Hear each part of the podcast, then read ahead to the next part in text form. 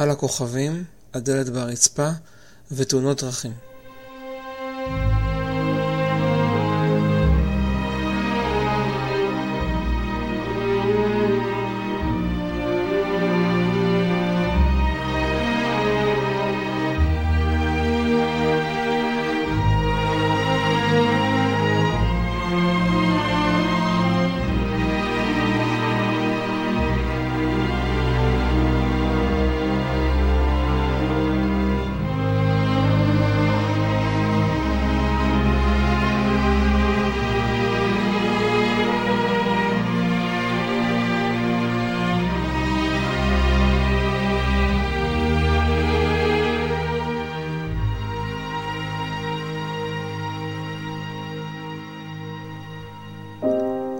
כשנאס"א הצליחו לא מזמן להנחית חללית על מאדים, השמחה הייתה גדולה.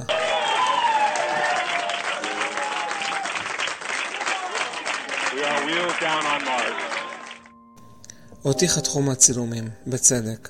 עמדתי בצד ולא שמחתי. חשבתי שזו טעות גדולה להתקרב ככה לכוכבים ולראות מה יש שם באמת. אני לא רוצה לדעת מה יש שם באמת. כשאני מנסה לבדוק מה מושך אותי להסתכל על הכוכבים, כי אני אוהב להסתכל על הכוכבים, אני מבין שזה קשור לזה שבסופו של דבר הם גם ושוב אני. הם החלק שבי שמקווה שהחיים יכולים להיות משהו עצום. אני משליך את החלק הזה על הכוכבים הרחוקים, ואם אתקרב מדי אליהם, אראה אותם כנראה כפי שהם, ריקים ומבהילים.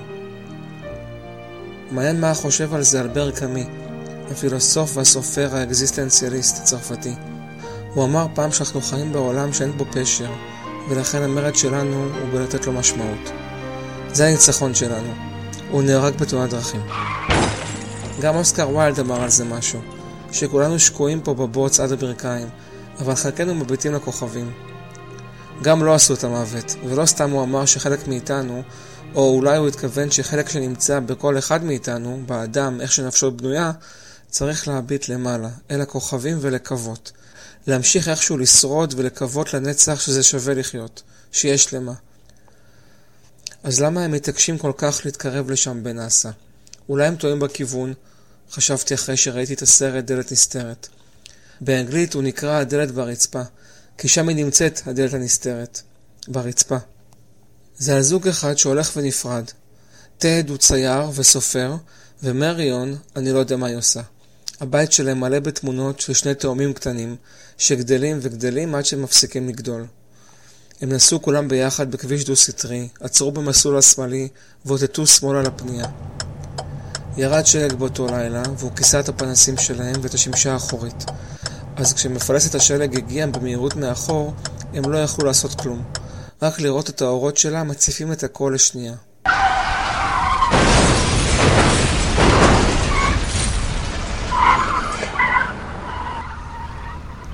היא באבל עדיין, האימא שלהם.